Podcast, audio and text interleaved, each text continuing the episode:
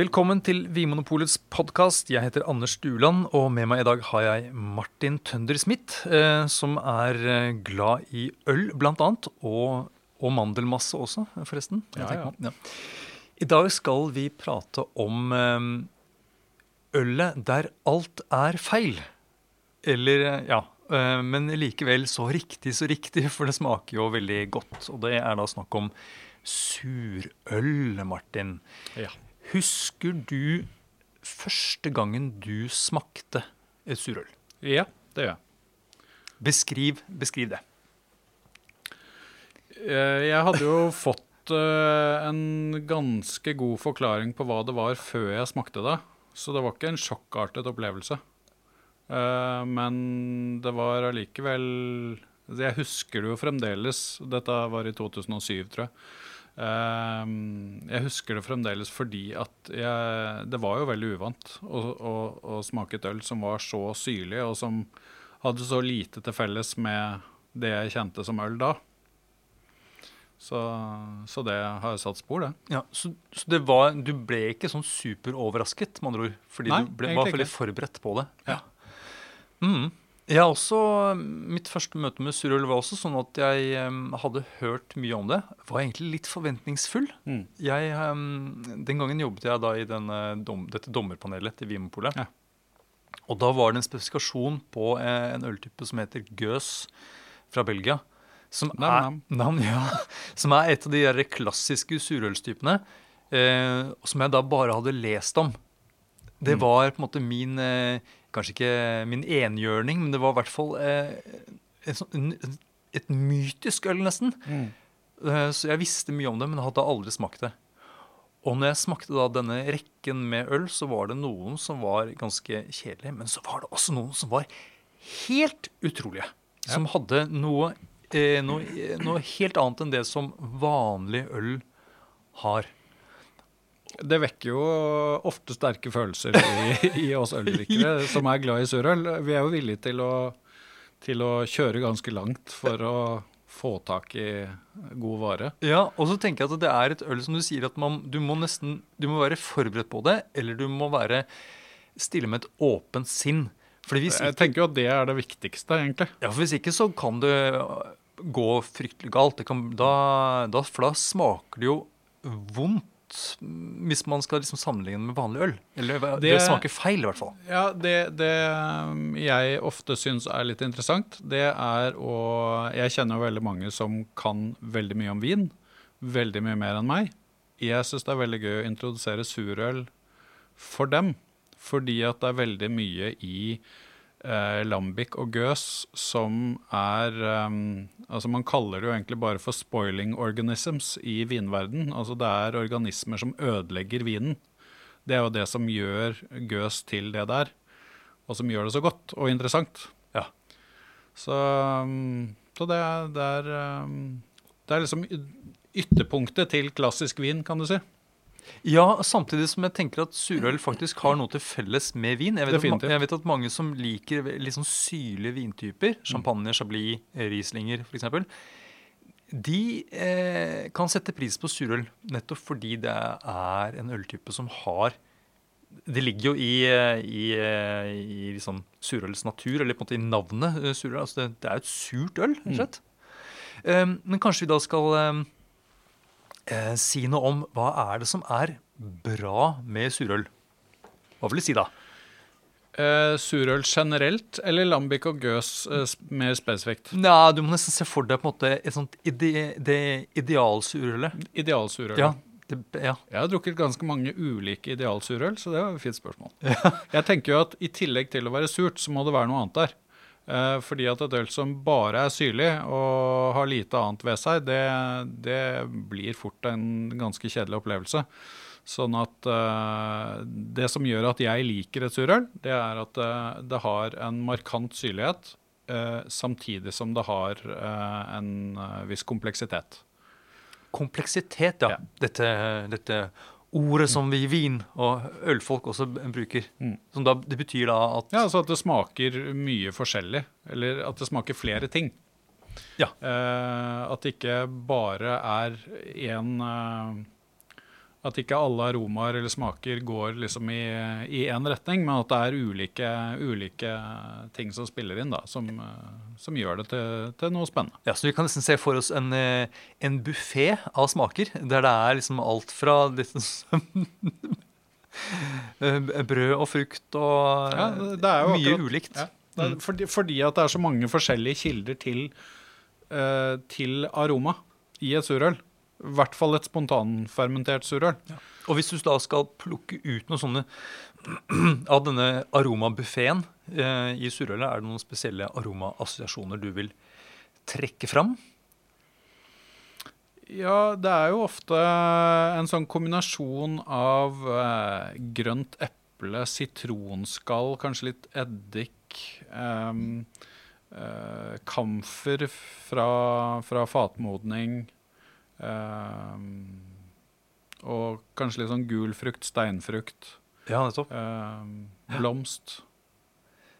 Jeg har jo også kjent Og det, sånn fjø, det er sånn fjøsaromaer. Noe som kan minne om noe litt sånn nesten røykaktig. Ja. Det er nesten sånn at jeg kan tenke at jeg står i en, en hestestall. Som, mm. En litt sånn godt rengjort uh, hestestall med en, sunn og frisk hest som står i stallen. Med, og ute på jordet, der brenner de bråte. Så det er et sånt hint mm. av røyk også ja. i luften. Eh, men samtidig så er det en, en litt frisk høstdag. Så denne lukten av noe sånn eh, dette eh, liksom, Landbruksaromaer? Landbruksaromaer, modent høstløv og sånt. Og så på det, dette litt sånn krydrede som kommer liksom med, med, luften inn, sammen med sånn, eh, dette modne høyet og denne hesten. Mm. Mm. Ja, nei, definitivt. Det er uh, mye, mye flott. Og ja. mange fine assosiasjoner. I tillegg til alle disse fruktaromaene som du beskriver. Mm. ja. Og da er vi jo, fordi Vanligvis når man beskriver øl, så snakker man gjerne som at det er liksom kjeks og hint av sjokolade, kaffe og sånt. Og det er de der eh, ting som minner om noe litt sånn brølrelatert. Eller veldig tropisk, hvis man snakker om IPA. Selvfølgelig. Den moderne øl, eh, øltrenden, ja. ja. For nettopp. Ja. Eh, så det, er, så det, er, et øl som har mye å by på. Eh, og, og, og, så tenker jeg jo bare for å, å gå litt videre med den, så er det jo Det er jo nettopp fordi at det er flere ulike kilder til, eh, til smak i noe som er fermentert. Og det er jo nettopp det som er interessant med fermenterte drikkevarer, tenker jeg. At du har noen aromaer som kommer fra råvaren selv, og så har du noe som kommer fra fermentering, fermenteringen. Eh, og så har du noe som eh, kanskje kommer fra modning eller andre prosesser da, som er involvert. Ja. Og da får du jo altså Når du har flere kilder til aroma, så får du ofte også et ganske spennende og sammensatt uh, produkt. Mm. Mm. Er det um, eh, nå, lates, nå, nå, spør jeg liksom som om at jeg ikke kan noen ting Men jeg vet jo det at det, eh, det, det fins jo um, flere veier til, til et surøl. Ja. Det er ikke bare én måte å lage surøl. Og Det ene er jo det som kalles for kjelesyrning, som har blitt, har blitt populært i det siste. For det er en, det er en rask metode der man ganske sånn kontrollert eller Veldig ofte i hvert fall tilsetter melkesyrebakterier. ikke sant? Ja, altså Da kan man jo enten tilsette melkesyrebakterier, eller så kan man bruke de uh, melkesyrebakteriene som finnes naturlig i maltet. Uh, og så lar man uh, mesken hvile mens pH-en synker. Ja, Og på litt sånn god temperatur, det er litt sånn rundt kroppstemperatur, da, da, da, trives det godt. Da trives det godt. Og, da, og så blir da denne vørteren, eller denne mesken, den blir da sur, egentlig. Mm. så den er sur før selve gjæringen. Ja. Um, og så har vi da denne mer mystiske eh, prosessen som da kalles spontangjæring. Ja. Og, og, det er jo der eh, Du snakket jo om lambic, og jeg snakket også om lambic. Det er jo øl som er spontangjæret. Og der skjer jo syrningen over veldig lang tid. Mm. Eh, og man tilsetter eh, ingen organismer. Eh, man har ikke noe kontroll på den måten. Eh, og så skjer det da etter eller altså, det, er det er kanskje litt dumt å si etter gjæringen, fordi gjæringen Det skjer den, underveis. Det, det skjer samtidig, bare, egentlig. Ja, for den er egentlig bare veldig, veldig lang. Mm. Ja. Uh, og da um, Når jeg lærte om sånn spontangjæring eh, for mange år siden, så eh, så jeg for meg et, eh, et fotballag eller et kor. Eh, I motsetning til at det kanskje bare er én eh, type gjærcelle som brukes i, når man liksom tilsetter gjærkultur. Så lar man da på en måte hele koret eller hele fotballaget eh, av organismer eh, eh, jobbe med vørteren. Eh, og så har jeg da lest at eh, i en lambic så er det registrert eh, rundt 150 ulike typer organismer som da lever eh, og virker. Det er mange. Det er, det er mange. Veldig, veldig mange. Um, og noen av de setter mer preg på ølet enn de andre. Så vi må nesten da ta for oss For det er jo det som er nøkkelen til alle disse spennende aromaene eh, og syrligheten i ølet, er jo disse organismene. Så vi må nesten ta for oss eh, the usual suspects. Ja, og der er det jo mm, en, eh, altså en, den vanlige sammensetningen i, som er eh, til stede og, og på en måte er bidragsytere under eh, fermentering av lambic, så er det primært Saccharomyces, eh, melkesyrebakterier og Brettanomyces. Ja. For det er de tre som eh, Det er de tre gruppene som, måte, som, som påvirker sluttproduktet mest. Da. Mm. Selv om det er flere bakteriekulturer og sånn i, i sving, og som bidrar med noe, så er det ganske lite sånn i, i det store og hele. Og nå slår det meg at nå siden vi da har liksom snakket så mye om lambic allerede, så kanskje vi før vi nå mm, snakker mer om disse organismene, kanskje vi bare skal raskt bare forklare hva lambic er. Og så kan vi, eh, kan vi introdusere de ulike organismene etter hvert som de, liksom de eh, setter i gang. Kommer på banen. Mm. Ja. Um, så eh, hvis du eh, treffer en, en, en nabo eller eh, noen, en forelder i klassen eller noe som er sånn ikke så veldig veldig interessert og kan ikke så mye om øl, hva ville du sagt om lambic? Hvordan ville du forklart det?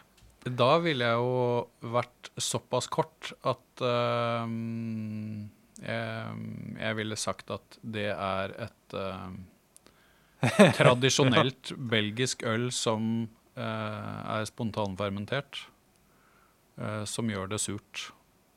Ja. Mm. Eh, men, men så er det jo selvfølgelig, og heldigvis, mer eh, mer, mer som uh, måtte ligge bak, da. Ja, for så spør han naboene ja, jaså, det høres spennende ut, fortell mer. Jeg er faktisk en uh, biokjemiker eh, som kan mye om fermentering.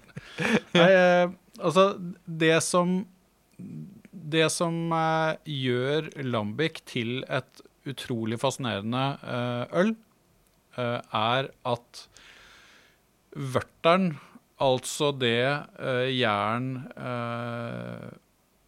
omsetter, metaboliserer og, og gjør til noe annet. I lambic så er det sammensatt av veldig mye mer enn en ordinær vørter. Eh, I en ordinær vørter så har du eh, en ganske stor del av sukkerforbindelsene eller karbohydratene i, i, i en ordinær vørter eh, består av enkle sukkerforbindelser som vanlig ølgjær, altså Saccharomyces cerevisiae f.eks., kan nyttiggjøre seg. Litt sånn korte sukkerkjeder. Ja. Mm. Eh, som f.eks. maltose.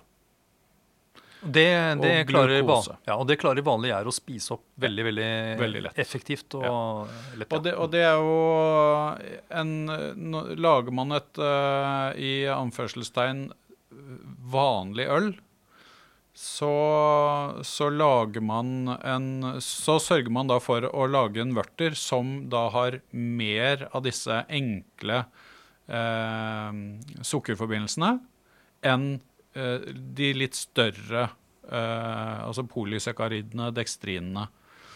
Um, Sånn at en, en vanlig ølgjæring er jo ferdig på relativt kort tid. Ja, Og det er jo noe man ønsker også. Ja, Ja. ikke sant? Eh, Det som da er gøy med lambic, er at når, når eh, disse ulike gruppene med, med eh, gjærstammer og, og bakteriekulturer begynner å jobbe, så er det en sammensetning av både næringsstoffer og, og sukker, i den vørteren som er såpass eh, sammensatt og har såpass mange av disse lange og store eh, sukkerforbindelsene at, at det er ikke så lett for hjernen å, å omsette dette til til etanol, CO2 og, og andre smaks- eller aromaforbindelser. Så, så den gjæringen tar veldig lang tid. Um, så i en vanlig ølgjæring så, så, kan vi jo se for oss at, at gjæringa er ferdig på to-tre uker. Ja, da tilsetter man gjær. Man har en vørter der det er mest mulig gjærbart sukker, og ikke så mye mer enn det. Det er litt sånn noen nitrogenforbindelser som gjør at, at jern har litt, uh, litt, å gå på. Mm. Uh, og en rask gjæring som da og Jo raskere du får gjort gjæringen unna, jo mindre sjanse er det for at du får en infeksjon, som man da kaller det. At det kommer andre organismer til og roter det til. For det vil man ikke. Nei, det ønsker man Nei. ikke. Mens her snakker du om at i lambic-produksjon og da kan jeg bare skyte inn at Du sa at det var et belgisk øl. og det er et, her, Dette er et av de få ølene i verden som faktisk er knyttet et sted. Ja. Altså en, en, en, en, brygger her i Norge kan ikke lage en, en lambic. Kan lage Nei. et lignende øl, men kan ikke merke det som en lambic. sånn som Chablis og champagne er, er, måte, er knyttet til et bestemt område. Mm. Og da snakker vi om et område som ligger i og rundt Brussel, ikke sant? Ja, det som kalles for Pajottenland. Mm. Mm. Eh, og så er det jo nå Det er jo nå lambic-bryggerier utenfor det tradisjonelle området i, eh, i eh, Belgia. Sånn at det, en, det, har vært en viss utvikling der også. Men Får du lov til å kalle det lambic, eller Oder Lambik? Så vidt meg bekjent, så er, det, så er du innenfor Belgias grenser. Så er det greit? Så er det greit. Ok, ja. Og så har de da noen sånne eh, Det er vel også noen krav til eh, maltsammensetning, er det ikke det? Jo, altså en vanlig En vanlig um, måte, korn- eller maltsammensetning uh, i landbruksproduksjon er 50-50 uh, maltet bygg og maltet hvete. Um, og det er jo igjen en forskjell fra f.eks. For tysk hvetøl, som bruker uh, mer umaltet hvete. Ja. Sånn i, i, Belgia så bruker man mye uh, maltet hvete. Um, og så lager Altså, man, man um, Det kalles for turbid mash. Altså man lager en veldig Grumsete mesk. Grumsete mesk som er rik på dekstriner. Uh, nett, og, og, det er nettopp dette da, som muliggjør denne lange fermenteringen. Ja. Um, Så, uh, og, og hvete er vel også Er det en kornsort som har noe litt mer proteiner også, er det ikke det? Jo, det er det vel. Ja. Mm. Så du har på en måte litt mer sånne aminosyrer og nitrogenforbindelser som er liksom da tilgjengelige også underveis? Ja. øh, men, men, en av de en av ting, altså en av de uh, En av faktorene som gjør lambic til det det er, er jo nettopp det at det er høyt nivå av dikstriner, et relativt lavt nivå av de enkle sukkerforbindelsene. Og så er det, um, i og med at denne fermenteringen tar så lang tid, så er det også et relativt næringsfattig miljø. Så det er, jo, eh, det er jo ikke et spesielt trivelig miljø for Saccharomyces å jobbe i dette her, spesielt etter hvert. For underveis her så er det jo også, i tillegg til Saccharomyces-fermentering, så er det jo melkesyrebakterier som, som, jobber og produserer melkesyre. Sånn at pH-en synker jo underveis i primærfermenteringen. Ja. Eh, og nitrogennivået og alt dette synker jo også etter hvert. Ja.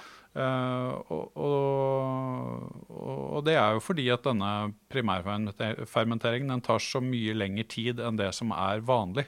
Og hvor lang tid snakker vi om da? Nei, Vi snakker gjerne om en syv-åtte måneder på primærfermentering. Ja. Og da er jo ikke gjæringen ferdig. Men det er da den perioden hvor sakaromyces er i funksjon. Uh, Um, og så er det jo en annen uh, kjenning som da på en måte kommer inn når Sakaromyses ikke greier å, å, å, jobbe lenger, ikke fungere lenger. Så er det jo Brettanomyces som kommer inn, og som, som, jobber saktere, men som også er på en måte mindre kravstor da, til, uh, til arbeidsmiljøet. Ja, ok, Så dette her er nesten som um Når vi allerede snakker om sånn kor og fotballag, og sånt, da kan vi ta en sånn sportsanalogi til. Nesten som en stafett. Ja, det er jo det jeg Eller de, noen av de Det er et bilde jeg liker, i hvert fall. Fordi at uh, første sånn- første ivrige fyren, Saccharomyces, han liksom sprinter av gårde og er kjempegira. ja, Uh, men, uh, men han er også veldig avhengig av at det er på en måte heiagjeng og, og masse drikkestasjoner, og liksom det er full, fullt øs. Det skal være XL1 eh, og bananer. Lett tilgjengelige karbohydrater. Eh, ja. Og da holder han Når det ikke er det lenger, Ja. så vil han ikke være med. Nei, da Da gir han. gir han opp. Ja, og da eh, kommer da på en måte dette feltet bak, eh, som da er eh, bl.a. Brettanomyces. Men også som melkesyrebakteriene. Er, når er det de er mest aktive, da? Nei, altså jeg kan ikke I og med at jeg ikke er en kjemiker og ikke har eh, inngående kunnskap om akkurat det, så, så skal ikke jeg påstå at jeg vet nøyaktig når de er mest aktive. Men på et eller annet tidspunkt eh, under primærfermenteringen, altså mens sakaromyces jobber, så eh, så um, Altså når Saccharomyces-fermenteringen er på sitt mest aktive, så sørger den på en måte for å holde andre organismer utenfor. Da får ikke de, liksom, de får ikke plass til å jobbe. Men når Saccharomyces da, når den fermenteringen sakker litt av, går litt saktere, så blir det på en måte plass og rom til at melkesyrebakteriene, pediococcus og, og lactobacillus, eh, kan få lov til å jobbe. Ja. Eh, så det er eh, si mot slutten av primærfermentering og inn i, i brettanomysefermenteringen. Da. Nettopp. Så da eh, Saccharomyces eh, har da liksom gjort at eh, det begynner Det er på en måte, det ligner jo et øl. Eh, og det er alkohol til stede, selvfølgelig. Eh, melkesyrebakteriene begynner å produsere da melkesyre, så det er- begynner å bli en, en lavere pH Ja. i, i ølet. Det er et, et surere øl. Mm. Og så kommer da eh, Brettanomyces, som er litt sånn litt treig til å komme i gang, men en veldig en nøysom organisme, eh, har jeg Ja, skjønt. jeg, eh, jeg har vel kalt uh, brettanomyces for en slags jærens kakerlakk. Eh, ja. det kan være liksom, Arbeidsmiljøet kan være, det kan være veldig lav pH, det kan være relativt høy, høyt alkoholinnhold. Eh, det trenger ikke å være spesielt mye næringsstoffer igjen, altså nitrogenforbindelser og den slags, som, som vanlig her trenger. Så den, den ber ikke om veldig mye. Eh, tar til takke med det som finnes der, nesten uansett hva det er, og greier å nyttiggjøre seg forbindelser eh, som, eh, som Saccharomyces ikke har sjans til å, å, å nyttiggjøre seg. ja. Og, og til og med sånne ting som eh, både Saccharomyces og melkesyrebakteriene har som eh, For å bruke som barnslig litt bæsjet ut. Eh, eller, eller prompet ut. Altså når de har på en måte, de har spist og kost seg, så på en måte så, så Du snakker om biprodukter Så, av ja, fermentering. Nett, nettopp. Ja. Biprodukter. Bipro biproduktene av de andre organismene. Det, eh, der kommer da Brettanomyces og liksom eh, slurper i seg eh, sånne små godbiter som Ja. ligger rundt omkring. Eh, og rense litt opp. Mm. Eh, men eh, Og så slipper den Brettanomyces også slipper ut sine biprodukter. Som den igjen bruker for å måte omdanne andre forbindelser som er, som er tilgjengelig i, denne, i dette ølet. Ja. Så da, etter at alle disse organismene da på en måte har jobbet da i, eh, i ett til to år kanskje, så eh, har man da på en sånn en suppe, eller da har man da et øl, som da er sammensatt av veldig, veldig mange forskjellige ulike eh, kjemiske forbindelser. Som kan eh, som bidra eh, med aroma til ølet. Og det er jo forklaringen på at det er så komplekst også. ikke sant? Ja, og en av de tingene jeg syns er veldig fascinerende med Brettanomyces, um, er jo nettopp det at um, Altså, vi, vi har um, noen forbindelser som kalles for glukosider, som er aromakomponenter som er bundet til eh, sukkermolekyl. Eh, og som ikke er aromaaktive før den forbindelsen med sukkermolekylet eh, frigjøres, eller brytes. Mm. Eh, og, og Brettanomyces greier faktisk å eh, bryte av disse glukosemolekylene da, i glukosideforbindelsene.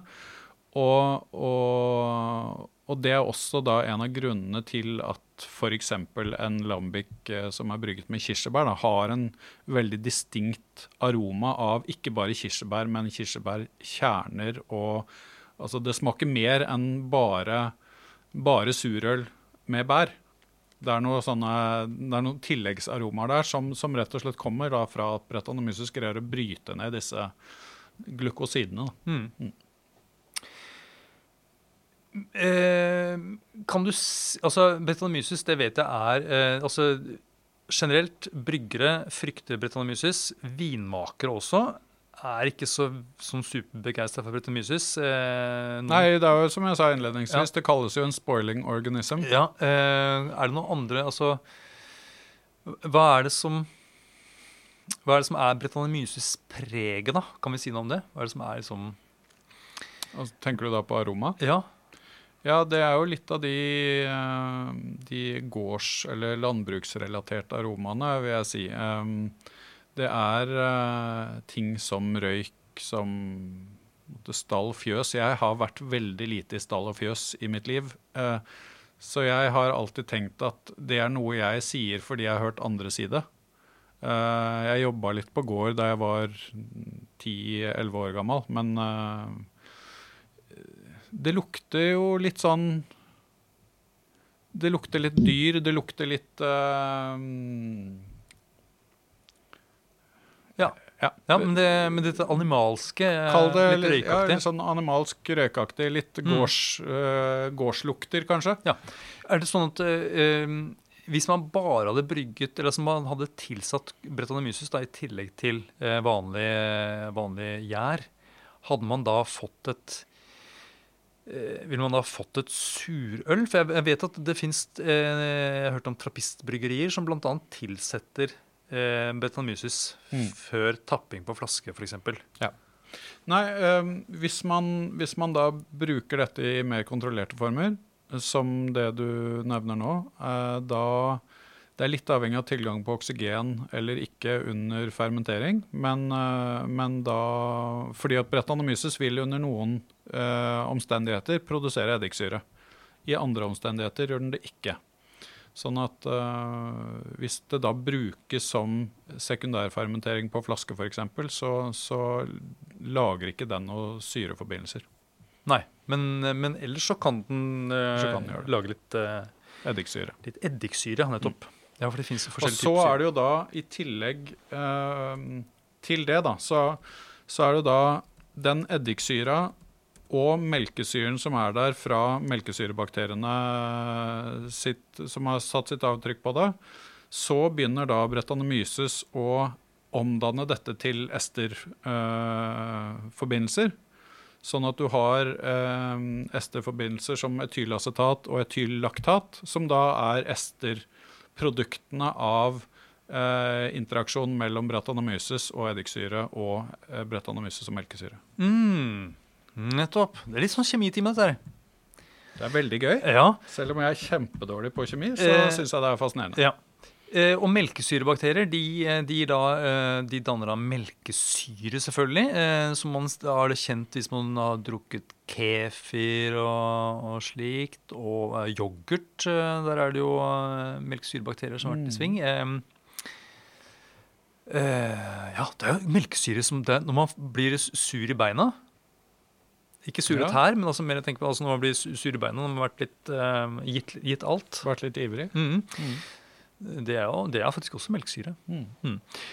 Um, I lambic så er det da så er det melkesyrebakterien da, som gir den uh, syrligheten, uh, og, og litt bretanomyces. Men så har man da eddiksyrebakterier som jeg vet kan gi uh, kan gi syrlighet i, i, vin til en viss grad. Mm. Og i hvert fall hvis det går gærent. Er det mye eddiksyrebakterier i lambic? Nei. Nei. Det er det ikke. Men det, fins det surøl der eddiksyrebakteriene står for en god del av syrligheten? Ja, du har jo eh, øl som eh, flamsk eller ode, ode brun, flamsk rød, flamsk brun. Ja, og Da snakker vi ikke om kuraser, men her snakker vi om øltyper. Øltyper. Ja, belgiske øltyper. Der vil man kunne kjenne litt eh, Altså varierende grad av eddiksyre. Ja. Men der er det ikke en del av på en måte, karakteren. Så det er, det, det er mer sånn at det er greit. Eh, ja. Men en Lambic-produsent, da, eh, er han veldig fornøyd, eller hun, eh, hvis det er eh, et fat med Ja, jeg tror nok Mye eddik. at eh, hvis man greier å føre en samtale på det nivået vi gjør nå, så vil en lambic eller Gøs-produsent være med på at eh, litt eddiksyre i ølet er greit. Men uh, eddiksyrebakterier er på en måte ikke like greit. Uh, jeg har snakket med flere i Belgia som, som mener at uh, har du eddiksyrebakterier i aktivitet i når du lager lambic, så er det en produksjonsfeil. Ja. Men, men det dannes som sagt litt eddiksyre fra både Brettanomyces uh, fermentering og litt andre småtterier som skjer underveis. Eh, Så nå har vi da snakket om eh, alle disse små organismene som er i sving, og det de lager. Men vi har jo ikke sagt så mye om selve metoden, alt det andre som brygg, altså det som bryggeren gjør, da. Mm. eh, og du har du snakket nå om altså maltsammensetningen. Eh, gjerne 50% maltet hvete og 50% maltet bygg. Og det er maltet bygg som er liksom den vanlige, mal, vanlige maltet sånn ellers i, i eh, ølproduksjon. Ja. Um, jeg har jo vært innom eh, et par sånne Lambic-bryggerier. Det er jo ikke så mange av dem. Men, og noen av dem er, eh, ser mer ut som et, et museum. Et, Ja, det er jo et noen som er museumer roteloft Mm. med, med spindelvev, støv og, og, og skit. Ja. Gamle ting som ligger liksom rundt omkring.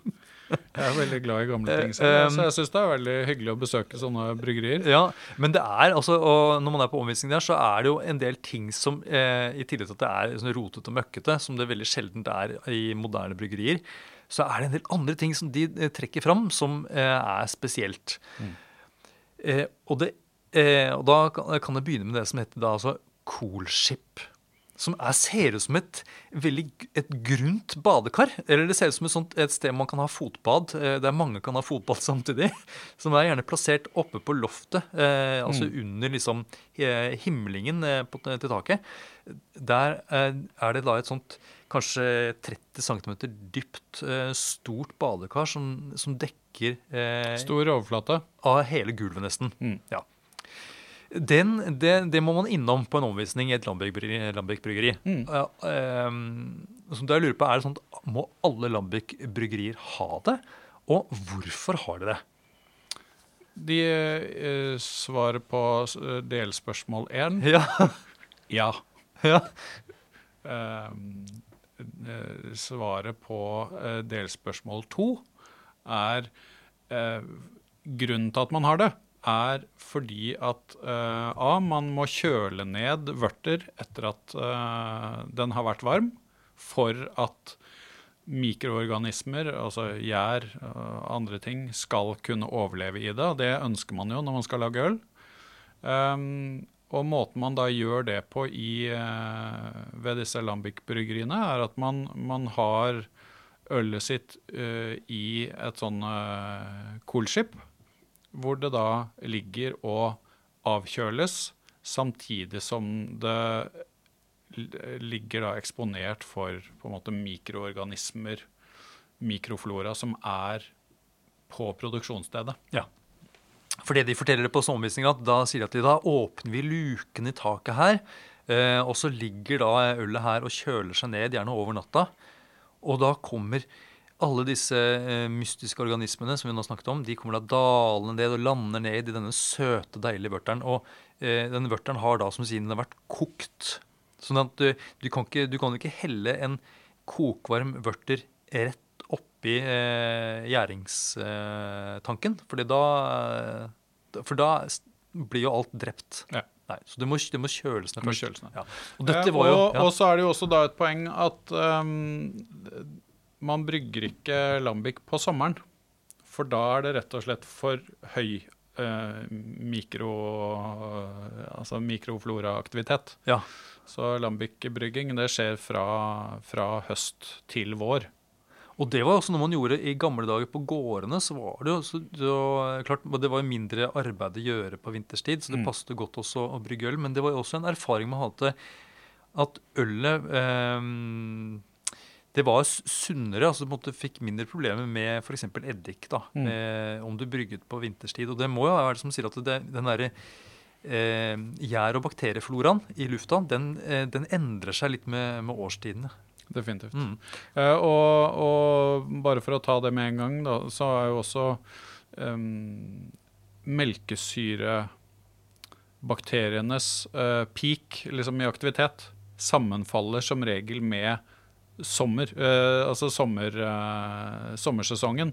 Sånn at når eh, et øl som da har vært brygga en eller annen gang på seinvinteren, har ligget og, og godgjort seg en god stund og måtte blitt gjæret en stund med Saccharomyces, så, så er det jo da også når, når på en måte temperaturen er litt høyere, at melkesyrebakteriene trives aller best. Så det var da det, det, var det spesielle Cool-skipet, og det er eh, Jeg tror ikke jeg har vært borti noe særlig andre Det er noen andre sånne belgiske bryggerier som lager sånn som du nevnte, Ode Brun og sånt, og de kan da Cool-skip og, og sånn. Um, og så vet jeg at det fins altså da eh, nyoppstartede bryggerier rundt omkring i verden, men som da vil lage surøl, som da, eh, som da bygger sine egne Cool-skip. Ja, Eh, og med- jeg syns jo, jo det er veldig fint at det er noen som ønsker å både ta vare på og videreutvikle kulturen rundt spontanfermentering av øl. Fordi at uh, det er ikke så veldig mange år siden det var noe som holdt på å bli nesten helt borte, og som var noe for de, de få veldig spesielt interesserte. Nå ser vi jo altså Vi har bryggerier i Norge med coolship eh, og spontanfermentering. Det er stort i USA. Eh, American Coolship Ale er jo på en måte en egen ølstil eh, blitt. Og det er jo også litt fordi at ikke de kan kalle ølet sitt for Gøs og Lambic, selvfølgelig. De trenger sitt eget navn på det. Hmm. Eh, men det er i hvert fall eh, Man kan eh, lett henfalle til nostalgi. Og det er ikke alltid det er like spennende, da. Å bare sitte og dvele ved hvordan ting var før. Eh, men også se at eh, det er mye som skjer innenfor denne tradisjonelle delen av bryggekulturen som, som faktisk er eh, måte hjørnesteiner for å, å ta oss videre da, inn, i, inn i fremtiden. Og, og et, altså når, du, når, når du har en så rik kultur på både faktisk kultur og mikrobiologisk som du har innenfor lambic- og coolship-brygging, så, så, så har du så mange måte, Du har så mange ting å spille på at det blir et veldig spennende, spennende øl av det. Mm. Og da igjen er det vi, vi snakker jo gjerne om stedegenhet innenfor noen produkter. Eh, når det gjelder øl, så, så har jeg eh, lenge sagt at det er veldig få typer øl og veldig få eh, produsenter som kan hevde med rette at deres øl eh, smaker sånn som det smaker fordi det lages der det lager, lages. Litt sånn som vinfolk snakker om terroir. Ikke sant? Mm. Så er det sånn et, type terroir. Og, og det, det er det jo I øl virkelig Ja, det er det jo i uh, spontangjæret øl, i, i det minste. Ja, fordi, eh, og nettopp fordi eh, eh, man eh, bruker da gjær og bakterier som finnes i lufta rundt bryggeriet. Ja. Eh, men også i selve bryggeriet. Jeg altså det der, Som har festa seg på utstyr. Og, ja, så, så den der greia med at en Labbeck-brygger ikke er så glad i å så, uh, flytte, Støvsuge. støvsuge eller flytte ut gammelt utstyr og sånt. De fleiper med at uh, selv altså, sofaen til, uh, i stua til Lambic-bryggeren den blir aldri skifta ut. Mm. Det er sånne type ting. da. Og at man får liksom spindelvev og alt sånt får være. Eh, og det liksom henger sammen med den der tanken om at eh, det som gjør ølet her, er det som liksom lever rundt og i bryggeriet. Ja. Og da hjelper da altså Coolshipen med på å få dette til. Mm. Og så er det eh, når vi, og så er det én ting til som disse Lambic-bryggerne snakker om. Og det er at eh, de sier at vi bruker humle. Og det bruker jo nesten alle andre som brygger øl også. Eh, de bruker humle. Mm. Denne planten som gir bitterhet til, til øl. Men i motsetning til alle andre bryggere som ønsker en fersk humle, så vil, så Den vil, skal være gammel. så vil Lamberg-bryggeren de vil ha en skikkelig gammel humle, de. Ja, den skal helst være skikkelig gammel og ostete. Ja, for det Eh, lukter jo det lukter sånn, sånn port salut og, sånn, og hundefôr nesten. Ja, av eh. To-tre tre år gammel er vel uh, mye av den humlen de Mm, bruker. deilig, så Den blir sånn gul og fin. Flotte greier. Ja, Og hvorfor, eh, hvorfor vil de ha eh, den humla som da andre bryggere ikke vil bruke? Nei, Det er vel primært fordi at uh, de ønsker ikke flere eh, måte komponenter inn i den miksen som allerede er ganske krevende, da, med liksom aroma, eh, aromakomponenter. Og de trenger ikke humlesmak eh, eller humlepreg, de trenger bitterheten. Som en sånn eh, antiseptisk foranstaltning. Altså, de trenger det humlen bidrar med faktisk, men de trenger ikke med de trenger ikke alle disse humlerelaterte aromaene som moderne bryggere eh, ønsker. Da. Ja, Så litt bitterhet fra humle, det, det syns jeg er greit. Eh, men en sånn tydelig humlearoma, den derre sånn spesielt moderne øl, sånn IPA og sånt, nå så er det mye sånn nesten tropisk fruktighet og noe sånn eh, få- ferske urter og sånt nå. Ikke sant? Man, man kan få litt sånn uh, snev av noe urtepreg, men det er gjerne kombinert med ganske sånn tydelig oksiderte aromaer. Da. Ja, for dette er det ostepreget som du eh, tenker på. Det er også noe som jeg kjenner inn i Lamberg, noe som minner om nesten sånn en godt moden parmesan, f.eks. Mm. Og det er vel sånn som kanskje da kan eh, være sånne humle, ga- gammel humlearoma, rett og slett. Ja. Mm. Og, og så syns jeg jo det er fascinerende å både lukte og smake på noe som, som tar noen år å lage. For da er det både råvare, det er prosessene det er igjennom, men det er også tiden. Mm. Liksom er med å liksom eh, sette preget sitt på, på sluttproduktet. ja, nettopp. Litt sånn, sånn tørr og andre ting som på en måte blir Jeg er mer glad i surøl enn tørrfisk, da. Ja. uh, og, um, og da For de som er liksom litt bevandret i ølproduksjon, de vet at uh, moderne øl- ølbryggerier de, uh, de kan f.eks. humle ølet sitt altså underveis i gjæringen eller på slutten Mm. av gjæringen, altså såkalt tørr humling. Men eh, Lambeck-bryggerne de putter eh, humla oppi under kokingen av vørteren. Og det er jo fordi at det er bitterheten de vil ha. Eh, og så vet jo det at humla er som du sier antiseptisk. altså Den, den hindrer jo eh, vekst av bakterier, men også eh, en del gjær. Mm. Men hvorfor Altså eh, Risikerer de ikke da å eh, gjøre det vanskelig for alle disse organismene de vil ha i ølet? Jo, men det er vel kanskje litt det som er på måte det, det, det krysningspunktet, da. Man, man, det skal ikke være for lett for alle disse mikroorganismene å slå seg ned og trives og, og liksom bare gønne på. Uh, og så er det jo selvfølgelig også når det kommer til humle, så er det noe som er med å gjøre ølet holdbart. Og at, eh, at det ikke blir gammelt eller for oksidert eller en måte udrikkelig etter relativt kort tid. da. Sånn at et, eh, et, eh, en gøs har jo veldig lang holdbarhet i forhold til et vanlig øl. Ja, Så denne humla den er måte, den holder ting litt sånn under kontroll. Eh, vi som, vi, nå roer vi det litt her, eh, litt som en sånn dommer i fotballkampen. For igjen, trekker trekke noe litt sånn idrett. Eh, nettopp. Ja, vi er jo sportsidioter, begge to. Ja, veldig.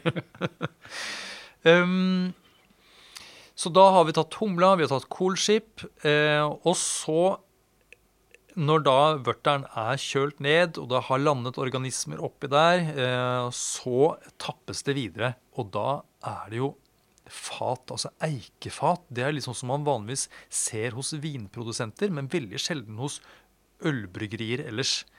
Men hos Lambic-bryggeren, der ligger det fat nede i kjelleren, eikefat. Ja, der foregår alt på eiketønner etter det, det første trinnet. Eh, Så når, eh, når um, vørteren da har ligget i Coolship og måtte, eh, tatt imot alle disse lokale mikroorganismene, så pumpes denne vørteren over på eh, gamle vinfat.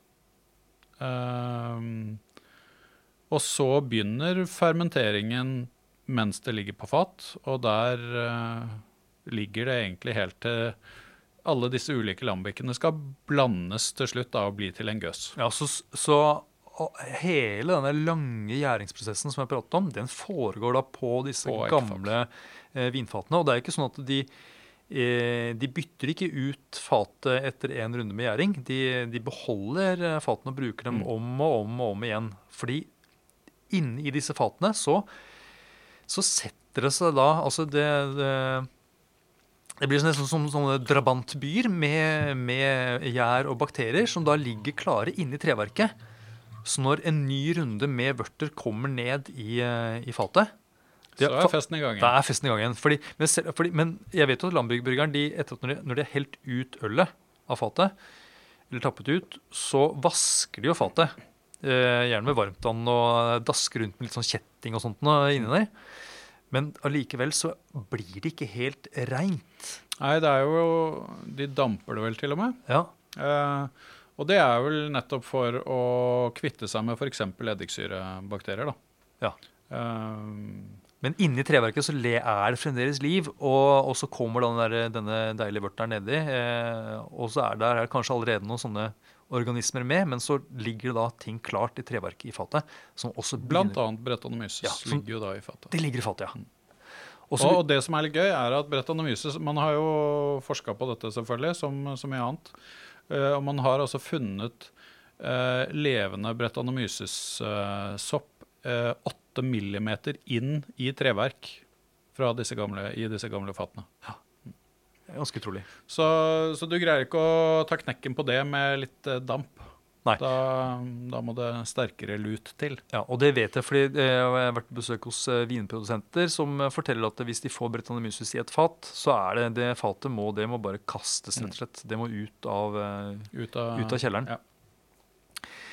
Eh, ja, og da når vi snakker om, først om det, det var- Og, og igjen, da, bare Ja, sånn, ja. og der tenker jeg jo at igjen så er det eh, Det kan fremstå på overflaten som noe veldig sånn vilt og ustyrlig, men det er veldig mange elementer i Lambic-produksjon som er eh, har en regulerende funksjon, sånn at ikke disse lokale mikroorganismene og kulturene og liksom, dette her tar helt fullstendig av. Sånn at du har, du har noe som tilsynelatende er vilt og spontant og ukontrollert, og så egentlig så er det relativt liksom planlagt. Ja, fordi det som har liksom Over mange år med brygging i dette Lambic-bryggeriet, så har det så er det noen eh, av disse st- gjærstammene og bakteriekulturene som, har, som har blitt sterkere enn de andre. Det du Eh, tar de vare på, litt. og, og på en måte det du, det du dyrker frem av egenskaper i ølet, det vil jo da eh, gjøre at de, uh, de gjærstammene og de bakteriekulturene som gir deg det preget du vil ha, det fortsetter du med eh, over tid. Og det du ikke vil ha, det, måte, det, det luker du ut av, av produksjonen. Så da, da er du jo med sant, på å etablere en dominant huskultur som eh, etter noen år så vil den være ganske markant. Eh, jeg har besøkt uh, nyoppstarta surølsbryggerier som spontanfermenterer, hvor, hvor det er ehm, hvor, de, hvor bryggerne er veldig klar over at vi, vi er ikke der vi skal være ennå. Det tar, vi vet at det tar noen år å etablere den kulturen vi ønsker her på vårt bryggeri. Ja. Er det sånn at eh, er det noen som jukser, eh, som på en måte kjøper inn noen flasker med Lambic og skvetter det rundt Helt- i, i kjelleren, liksom? Det kan godt hende, men jeg vet ikke om jeg ville kalt det for juks engang. Nei. Fordi at øh, du trenger jo på en måte noe som, som setter i gang et eller annet her. Eh, og, og det man har snakket om, nå er det sikkert også mye igjen nostalgi og, og kløktig markedsføring, men man har jo snakket om betydningen av alle disse kirsebærtrærne som vokste i området der Lambic-bryggeriene ligger. At eh, nettopp disse bakteriene, melkesyrebakteriene som, som holdt til på kirsebærtrær, var en av grunnene til at Lambic har fått det preget det har. Eh, og så har jo disse frukttrærne blitt borte, veldig mange av dem. Og da har man jo tenkt at OK, kanskje vi nå risikerer at en del av eh, den stedegne bakteriefloraen er i ferd med å dø ut. Og noen har jo da eh, faktisk begynt å plante frukttrær igjen i dette området, og da spesifikt eh, kirsebærtrær. da. Eh, fordi at de mener at det er med på å, å måtte trygge den, eh, den kulturen de har eh, elsket frem på bryggeriet sitt. Ja. Mm. Sånn at eh, her, altså ute i frukthagen så er det Så blomstrer det av sånne små Og så- organismer. ja, og hvis du smaker på Hvis du smaker på lambic rett fra fat eh, Jeg har vært og besøkt noen eh, gøsblendere som da har lambic fra ulike bryggerier liggende på fatlageret sitt. Og det er jo veldig interessant å smake da ulike lambiker fra ulike bryggerier, som gjerne er ett og to og tre år gamle, og, og finne disse markante forskjellene. da. Som går igjen år etter år. Fordi, år fordi det er er liksom huskultur, Ja. nærmest. Nettopp. Ja. Og det er jo der eh, siste, det siste leddet, eh, som også er veldig viktig, kommer inn da i, eh, i gøs. Fordi at gøs er jo da en, en blanding av ulike lambiker. ja. Og noen eh, gøsblendere de bruker bare egenprodusert lambic. Og noen bruker lambic fra flere ulike produsenter. Og da får du jo eh, Etter det vi har snakket oss igjennom nå, så, så blir det jo litt sånn selvforklarende at hvis du da lager en gøs som har lambic fra flere bryggerier enn ditt eget, så eh, vil du få et større eh, spenn av aromaer i sluttproduktet ditt. Mm. Og så er det jo til og med noen gøsblendere som ikke brygger selv i det hele tatt, som bare kjøper vørter. Måtte ferdig eh, eh, infisert vørter fra de ulike bryggeriene, og så fermenterer de og modner og blender eh, hos seg. Ja, Så da slipper de å ha alt dette utstyret og sånt. Da. Mm. Mm. Eh, altså, en, eh, altså etter at lambikken er ferdig, har ligget på fatet og gjæret ferdig, da er det kanskje gått eh, to år i hvert fall. Da er det jo eh, et øl som ikke har kullsyre, for den kullsyra den har har jo for det meste da liksom forsvunnet ut. Mm. Så det er et, et stille øl.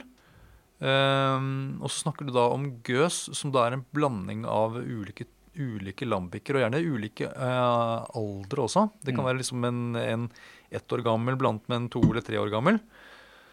Og da, eh, det, da er det fremdeles litt næring igjen Mm. i, i det ølet, sånn at eh, over tid så vil det da dannes kullsyre på flaska. Ja. Så da, da gjør man jo øh, en, en blanding, og så tapper man det på champagneflasker som tåler høyere trykk enn vanlige flasker. Og da er det jo nettopp at i de unge lambikkene så er det lite grann sukker igjen. Eh, og det sukkeret, det, uh, det er også litt levende gjær igjen. Så den levende gjæren spiser det lille som er der av levende sukker, eller tilgjengelig sukker, og så uh, så får du da dannet kullsyre på flasken. Så en lambic ligger gjerne seks måneder og, og godgjør seg på flaske før bryggeriet sender, sender det fra seg. Så man sier jo da at en, en gøs tar det tre og et halvt år å lage. I motsetning til et vanlig øl som kan skippes ut etter eh, en måned. Ja. ja. Så det betyr at det tar jo det tar tid, men det, det, dette koster penger også. Eh, og det er, en, det, er en, det er en viss risiko involvert også. Det å holde på med, med, med, med spontangjæring.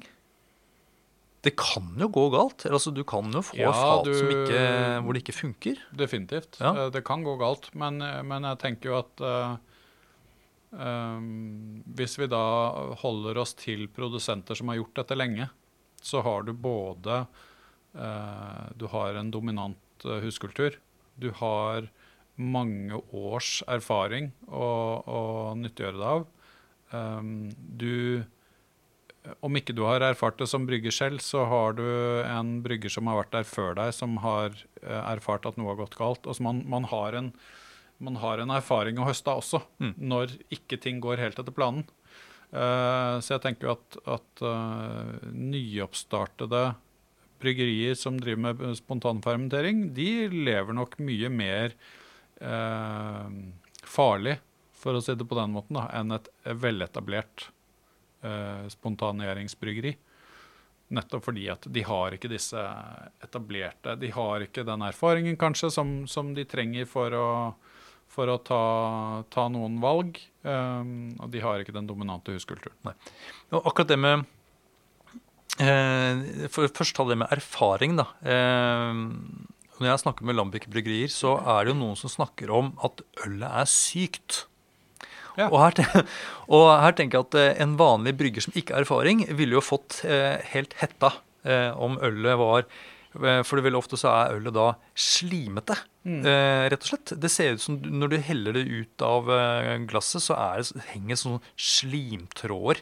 Ja, i ekstreme tilfeller, ekstreme så kan det se sånn ut. Ja. Og, og, det er jo det de sier, at, at ølet går gjennom en sånn syk fase. og da er det jo bakterier ja. som, eh, som, er i spill, da, og som gir uh, det vi kaller for ropiness. da. Nettopp. Sånn Trådet øl. Ja. ja. litt sånn sirupsaktig. altså du, du, kan se det når du skjenker i glasset, at uh, det er liksom tjukkere. Uh, tjukkere konsistens på ølet enn det et øl skal ha. Uh, og det kan smake nesten litt sånn slimete. Ja, Du merker i munnen at det er en annen munnfølelse. Det, mm. det er Ting går treigere på en eller annen måte. Hvis, ja. Ja, hvis folk eh, som hører på, har vært borti tjukkmjølk fra, fra Røros eh, bryggeriet, så eh, det er jo eh, en, en, en sånn surmelkstype som eh, har denne egenskapen ropiness. Da. Så, og jeg har også vært borti det i, i øl, og mm. noen få ganger i, i vin også.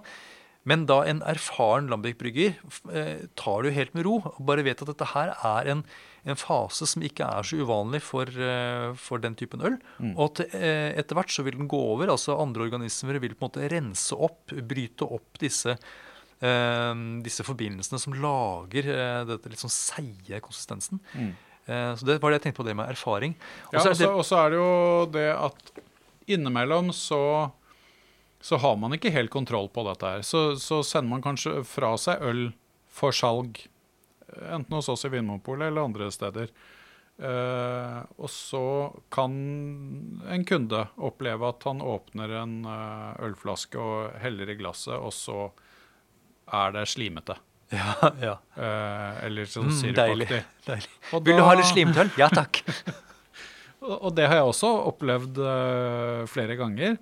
Og da er det klart at da har ølet kommet uh, i en sånn syk fase når det strengt tatt ikke skulle være det.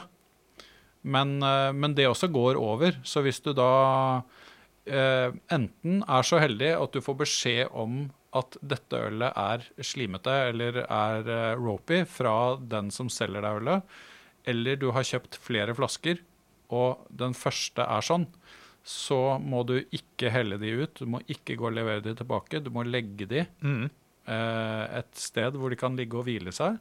Så tar det noen måneder, og så blir det ølet friskt igjen. Ja. For å være sånn på sikre siden et halvt år? Eller sier du et par måneder? Ja, jeg har et par flasker eh, øl som jeg vet var syke da jeg kjøpte de. Um, Si det er fire-fem måneder siden kanskje jeg kjøpte de, og jeg har tenkt at jeg lar de ligge i seks måneder. bare sånn for å være på den sikre ja, siden. Så en sykemelding på seks måneder, ja. Eh, og så tilbake igjen. Ja. Nettopp. Og det, for alt jeg vet, så kan det godt ta lengre tid også, men, men i hvert fall de bryggerne jeg snakka om eh, snakka med om dette, de sier tre til seks måneder, så, så er veldig friskt. Ja. Og så er det det med at ting er at det er noe litt sånn dette uregjerlige og farlige på en måte som, altså den risikoen som er involvert. da. Eh, for nå har vi snakket om lambic, eh, men lambic er jo en surølstype som, er, som har inspirert eh, nye surølbyggere eh, over hele verden. Definitivt. Ja. Og noen av disse bryggerne de lager jo vanlige øl. Eh, streit øl med å tilsette eh, kultivert gjær. Mm. I tillegg til at de prøver seg på å lage surøl. Mm. Og det er jo et potensielt problem, ikke sant?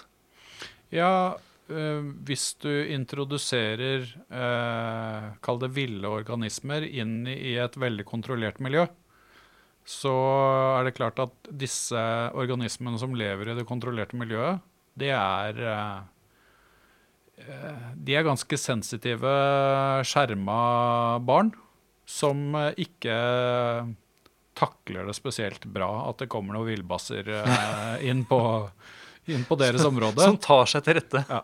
Ja. Så de, de blir jo da eh, relativt fort eh, inaktive og lar eh, gærningene som kommer trampende inn og ødelegger festen, få liksom bare fritt spillerom.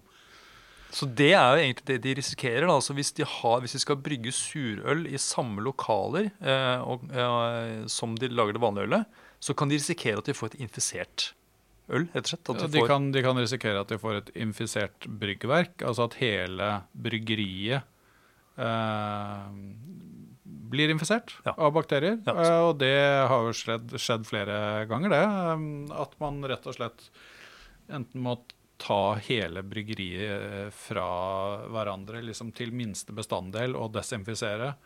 Gjerne én og to ganger. Mm. Um, så Og så slutter man da med surøl, antageligvis, etter det. Noen slutter med surøl, noen har to forskjellige uh, områder i, på produksjonsstedet sitt. Liksom et, en villsone og en, en kultivert sone. Eh, Ja, så det er løsningen. Man kan, ha, man, man, kan må, holde det separat. man må ikke ha egne lokaler. Man kan bare ha, man kan ha et eget utstyr. Ja, og så må man jo da være veldig nøye da, med å, å overholde de barrierene som da etableres for at det ikke skal være krysskontaminasjon. Ja. Hmm.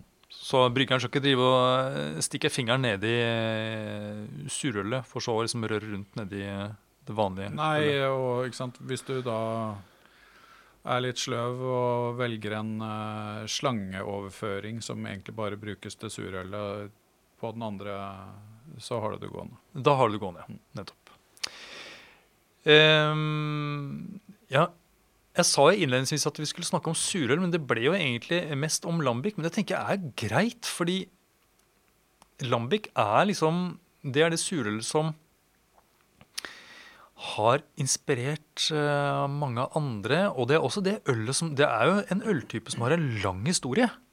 Det er jo, eh, Hvis eh, noen kjenner til eh, den, den flamske maleren Bruegel, Peter Bruegel, som har en del sånne eh, folkelivsskildringer eh, for mange hundre år siden. Der drikker folk øl. Det er fest, og du må se liksom at folk drikker, og det er noe ølfat og sånt noe. Og det var jo da sannsynligvis surøl, eller altså lambic-typer. Og før man liksom skjønte helt dette her med gjær og sånt nå på slutten av 1800-tallet, så var det nok en del øl som var surt. Var det på en måte Ja. Ja, altså Du har jo ganske mange kilder som, som sier det samme om eh, mye britisk øl. At så lenge ikke ølet var blodferskt, så var det, så var det litt sånn syrlig Om det var eddiksyre eller melkesyre, så var det, det var noe syrlig i det. du fikk en liten syrlig snert. Ja. man hadde og Stockale kalte man, jo det, eller kaller man det for, fremdeles i, i Storbritannia. Det er jo da øl som har ligget på fat en stund. Og som gjerne har en liten sånn syrlig snert i seg. Ja.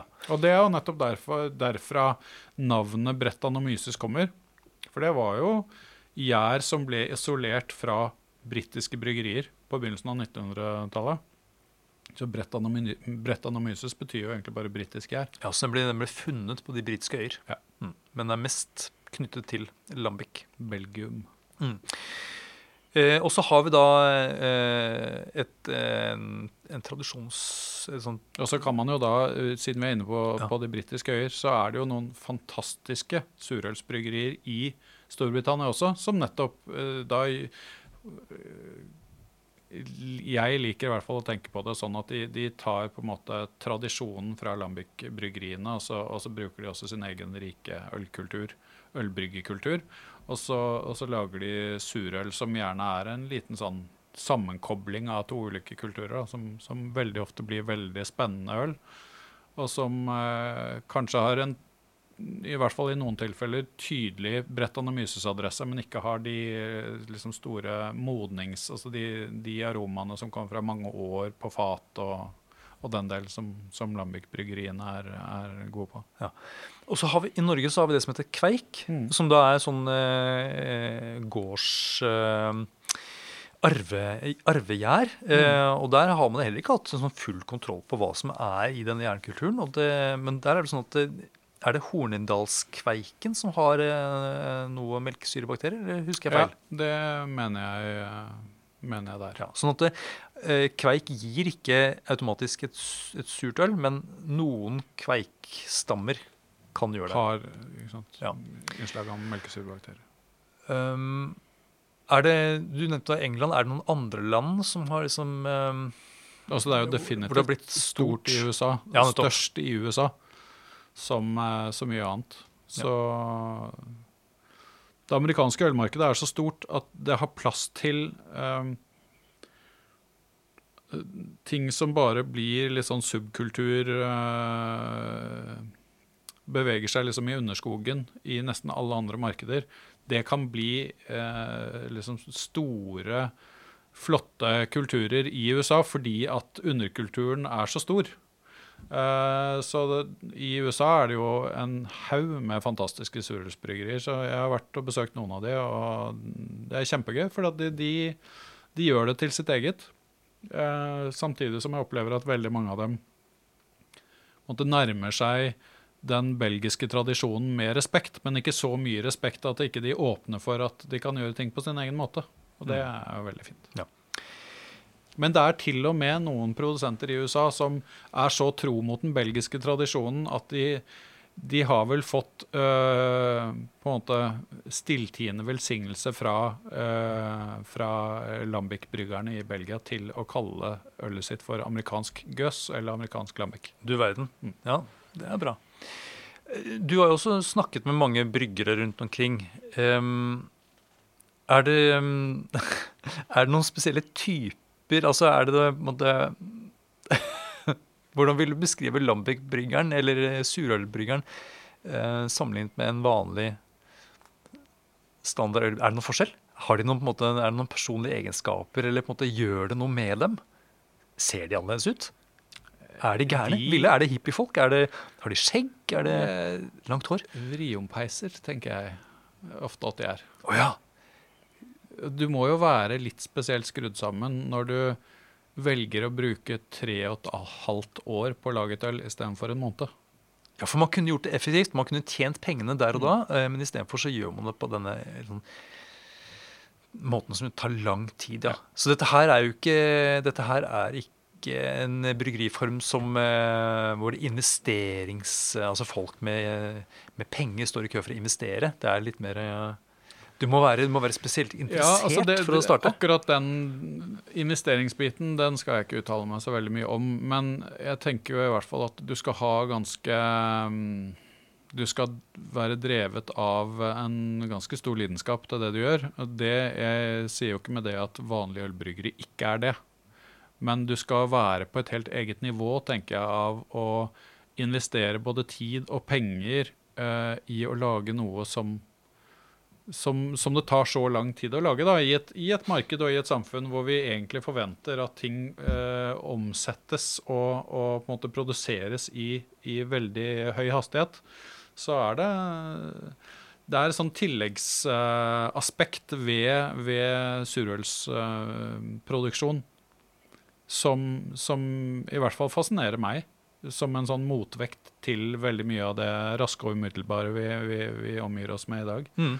At, eh, og til og med innenfor surøl, hvor du har um, uh, surøl som kan syrnes over natten, uh, når man da kjelesyrner, så blir jo um, Og der har det jo vokst fram en litt sånn kanskje arrogant, men kanskje samtidig også en, en sånn holdning blant både lambic uh, og, og spontansurøl-fantaster, entusiaster og bryggere at eh, ikke kom her med det kjælesyrende ølet ditt og tro at du er liksom at, at det er like bra som dette her. Og det kan jeg forstå. Ja. Fordi at igjen, da er vi liksom tilbake til det som gjør, i hvert fall for meg, da, surøl til noe veldig fascinerende og veldig godt. Det er jo nettopp det at det er ikke bare syrligheten, det er veldig mye annet som gjør det til et spennende og godt, eh, godt øl. Ja, kompleksiteten som du snakket om. Ja. Og jeg eh, tenker da at det, eh, syrligheten gjør jo at disse ølene har noe til felles med, med vin, men også denne prosessen. Eh, der ting tar tid. Man, eh, man legger ting i kjelleren, og eh, den skal gå gjennom alle disse prosessene. Eh, så der har liksom surølbryggeriet noe til felles med vinkjelleren, tenker jeg. Mens det å lage det vanlige ølet, det minner mer om det å lage mat. Altså at du koker sammen en suppe eller en gryte. Du på en måte kjøper alle de ingrediensene, humle, malt og sånt, og så bruker du en oppskrift, og så lager du produktet og sender det ut. Mens her er det snakk om at du må, du må bruke tiden, du må passe på det nesten som et sånt husdyr. Du må følge det opp, smake, blande det sammen. Eh, Og, og Ja. ofte når jeg besøker og prater med bryggere som, som lager denne type øl, så, så har de jo en, et helt annet forhold til det, det, liksom, det de har liggende. Fordi at det er noe som ligger i kjelleren deres eh, i gjerne ett og to og tre år. Og de liksom, ja, her, liksom, dette fatet, det skal jeg, skal jeg bruke til noe spesielt. For dette er liksom, dette er strålende. Eh, og og Nei, bare, bare hvordan man tenker som eh, blender. da, At man setter sammen ulike øl med ulike egenskaper for å, eh, for å lage et, et uh, sluttprodukt som, som på en måte er summen av alle disse, og kanskje til og med litt til. Så um, for å avslutte, da. Hvor er det, altså er det, hvordan skal man finne fram til surøl på Vinmonopolet? Nei, vi har jo da vært så forutseende at vi har laget ehm, Vi har jo sortert ølet vårt i butikk etter stil. Så vi har 15 ølstiler i, eh, i butikkene våre. ehm, hvor surøl er en av disse 15 ølstilene. Uh, og så er det jo da noe av det som er spontanfermentert, noe av det er blandingsfermentert, noe er eh, kjelesyrnet. Eh, og det vil man da finne ut av enten ved å snakke med en som jobber i butikken, eller lese på etiketten, eller begge deler. Ja, Eller man kan gå inn på nettsiden også og, og lese om produktet der. Og der skal det stå da om det er registrert som spontangjæret eller Ja. ikke. Og så har jo vi, og det er jo mer en sånn styringsmekanisme vi har, da, men vi har jo en, en kategori eh, innenfor øl eh, som heter spontangjæret, sånn at det, vil, det skal alltid være spontangjæret øl i basissortimentet vårt. Eh, fordi at det er noe helt annet enn eh, vanlig, vanlig gjæret øl. Ja, Framtiden, den er sur. Sur. Kan vi si, si det? Ja, det syns jeg. Takk for oss. Sur og god. Takk for at du hører på Vinmonopolets podkast. Har du forslag til et tema i podkasten? Send mail til podkast at vinmonopolet.no. I tillegg svarer kundesenteret deg på e-post, chat og telefon.